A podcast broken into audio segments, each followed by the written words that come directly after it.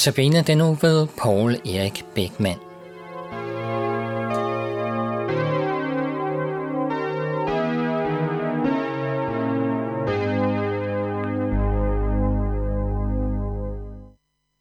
Kære lytter, ugens tema i Notabene er en rejse i Moder Teresas univers. I går fortalte jeg om besøget hos Moder Teresa på første sal i moderhuset i Calcutta. Som nævnt gav hun hver af vi 12 fra missionistgruppen fra Danmark hendes berømte gule kort med seks af hendes bibelske pejlemærker i gerningen. På kortet stod der frugten af stillhed og bøn. Frugten af bøn er tro. Frugten af tro er kærlighed. Frugten af kærlighed er tjeneste. Frugten af tjeneste er fred. Ja, disse ord fra bøn til fred kan vi også finde i vores salmebog, hvor Wilhelm Andreas Veksel, der var præst i vor Frelsers Kirke i Oslo, skriver, hvor der er tro på Gud, der bryder troen ud i bøn af hjertets grunde. Og i vers 3 skriver han, og bønnen henter ned fra himmelen Guds fred. Den henter kraft og styrke til Herren ret at dyrke. Den henter hjælp i nøden. Den henter trøst i døden. Sådan skrev han i 1840. Og det med fra bøn til fred. Jamen det er jo som et kompas til at følge for Moder Teresa og for os alle sammen. Da vi gik ned i stueetagen i moderhuset, så vi et gribende bevis på bøndens plads i arbejdet. En flok noviser, altså søsterelever, lå på knæ i kirkesalen.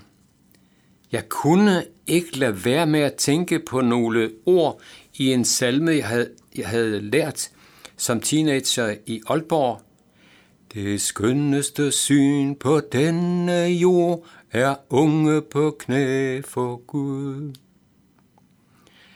Kærlighedens missionærer har i allerhøjeste grad taget Bibelens mange opfordringer til bøn til sig. Blandt andet denne fra Paulus. Vær altid glade. Bed uophørligt. Sig tak under alle forhold, for dette er Guds vilje med jer i Kristus Jesus, som det udtrykkes i 1. Thessalonikerbrev kapitel 5. Og i Kolossenserbrevets kapitel 4 lyder den paulinske opfordring ikke mindre markant. Vær udholdende i bøn. Våg med bøn og tak. Og bed også for os om, at Gud vil åbne os en dør for ordet, så vi kan forkynde Kristus hemmeligheden, som jeg sidder i fængsel for. Og Jesus har selv sagt det lige så klart. Bed, så skal der gives jer. Søg, så skal I finde. Bank på, så skal der lukkes op for jer. Til enhver, som beder, han får, og den, som banker på, for ham skal der lukkes op. Jamen, hvor er det dog herlige løfter. Troen på dem skaber dynamik i livsgærningen, også for de unge søstre og noviser i knæ i modehusets kirkesal. Og en har sagt forbøn. Det er jo bøn, der er trukket i arbejdstøjet. På et skilt foran kirkesalen kunne man læse blandt andet følgende ord. Vi er her ikke for arbejdes skyld. Alt hvad vi gør, gør vi for ham. Vi er ikke socialarbejdere, lærer, sygeplejersker eller læge, læger. Vi er søstre i Herren. Vi tjener Jesus i det fattige. Giver ham tøj, besøger ham og trøster ham, Vores liv har intet andet grundlag, ingen anden motivation. Og til sidst på skiltet står der, det er noget, som mange mennesker ikke forstår. Hvad kan den fascinerende historie om Mor Teresa sætte i gang hos os selv? Det er jo det afgørende. Dette havde en japaner i hvert fald fået fat i, så det blev nutid. Han har som mod Teresa medarbejder skrevet en gribende bøn om dette med betydning for selv. Om dette med jeg og de andre i hverdagens liv. Japanerbønden, der har 12 led, har blandt andet disse ord. Herre, når jeg er bedrøvet, så send mig en, jeg kan trøste. Når jeg bliver ydmyget, så lad mig have en, jeg kan rose. Når jeg er modløs, så send mig en, jeg kan mundre op. Og japanerens bøn slutter med ordene, når jeg behøver andres forståelse, så giv mig en, der behøver min forståelse. Når jeg har brug for andres omsorg, så send mig en, jeg kan tage mig af. Når jeg kun tænker på mig selv, så lad mine tanker gå til en anden. Amen. Jeg siger hurra for denne japaner. Hans bøn i med alle 12 led har vi derhjemme sat på vores køleskabsdør, så vi har det som et dagligt minde. En søster med fængselstjeneste har fortalt, at når hun aflagde sine ugenlige besøg i det lokale fængsel, så oplevede hun, hvordan fangerne der ligefrem hungrede og tørstede efter stillhed. Man skulle jo ellers tro, de havde nok på sådan et sted. Nej, fængselssøsteren skriver et sted følgende, vi plejede at bede sammen, og det var virkelig smukt at se hårde mænd, hvoraf mange havde dræbt andre og levet et hårdt, barsk liv. Se dem bøje hovedet som børn og bede oprigtigt. Jeg vidste, at så snart de kom ind i en atmosfære, hvor der var en form for stillhed, gled de bare ind i denne fredfyldte tilstand. Og en anden mor Teresas søster har uddybet dette med stillhed og celle. Hun skriver,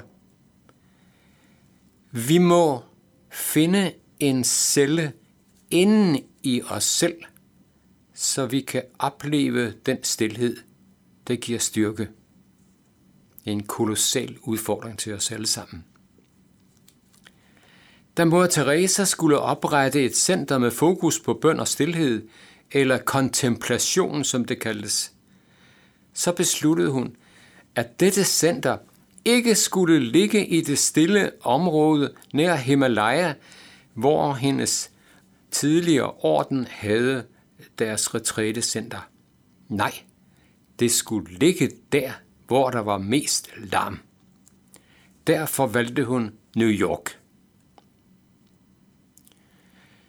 Noviserne vi så i bøn i kirkesalen her ved 15-tiden den 15. november 1993, havde allerede haft mange bedestunder, også denne dag. Den første var nemlig kun 20 minutter efter, at de var stået op klokken 5.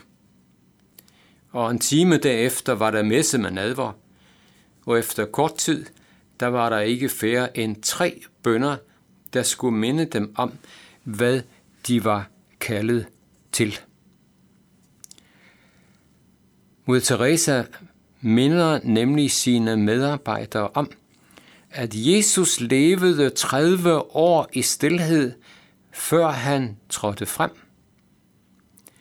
Og mange gange i de følgende tre år trak han sig ofte tilbage fra alle andre for at finde stillhed og styrke. Mor Teresa har sagt, at hun kunne ikke arbejde en halv time uden bøn. For som hun siger, min styrke er mange timers daglige stillhed. Med det gule kort i lommen forlod vi fra Danmark modehuset med en stærk tilskyndelse til selv at følge mod Teresas kompas og kurs med stillhed, bøn, tro, kærlighed, tjeneste og fred. Velkommen, kære lytter, til en togrejse i morgen i Notabene. En togrejse til Himalaya-byen Darjeeling, 600 km nord for Calcutta. Mange kender Darjeeling som en te-by. Det var nemlig i toget, hun mødte Jesus, har hun sagt. Og i dag runder vi af med en salme om dagens tema med stilhed og bøn. Den hedder Gud hører bønder i dag som før. Bønnen er nøglen til nådens dør. Og så slutter den med opfordring til enhver af os. Timerne iler i hast af sted. Husk altid arbejde og bed. Og jeg har fået hjælp fra mine familiemedlemmer i Grænsted, Henning og Jytte til at finde de gode salmer, til der er valgt til i dag. Gud hører bønder i dag som før.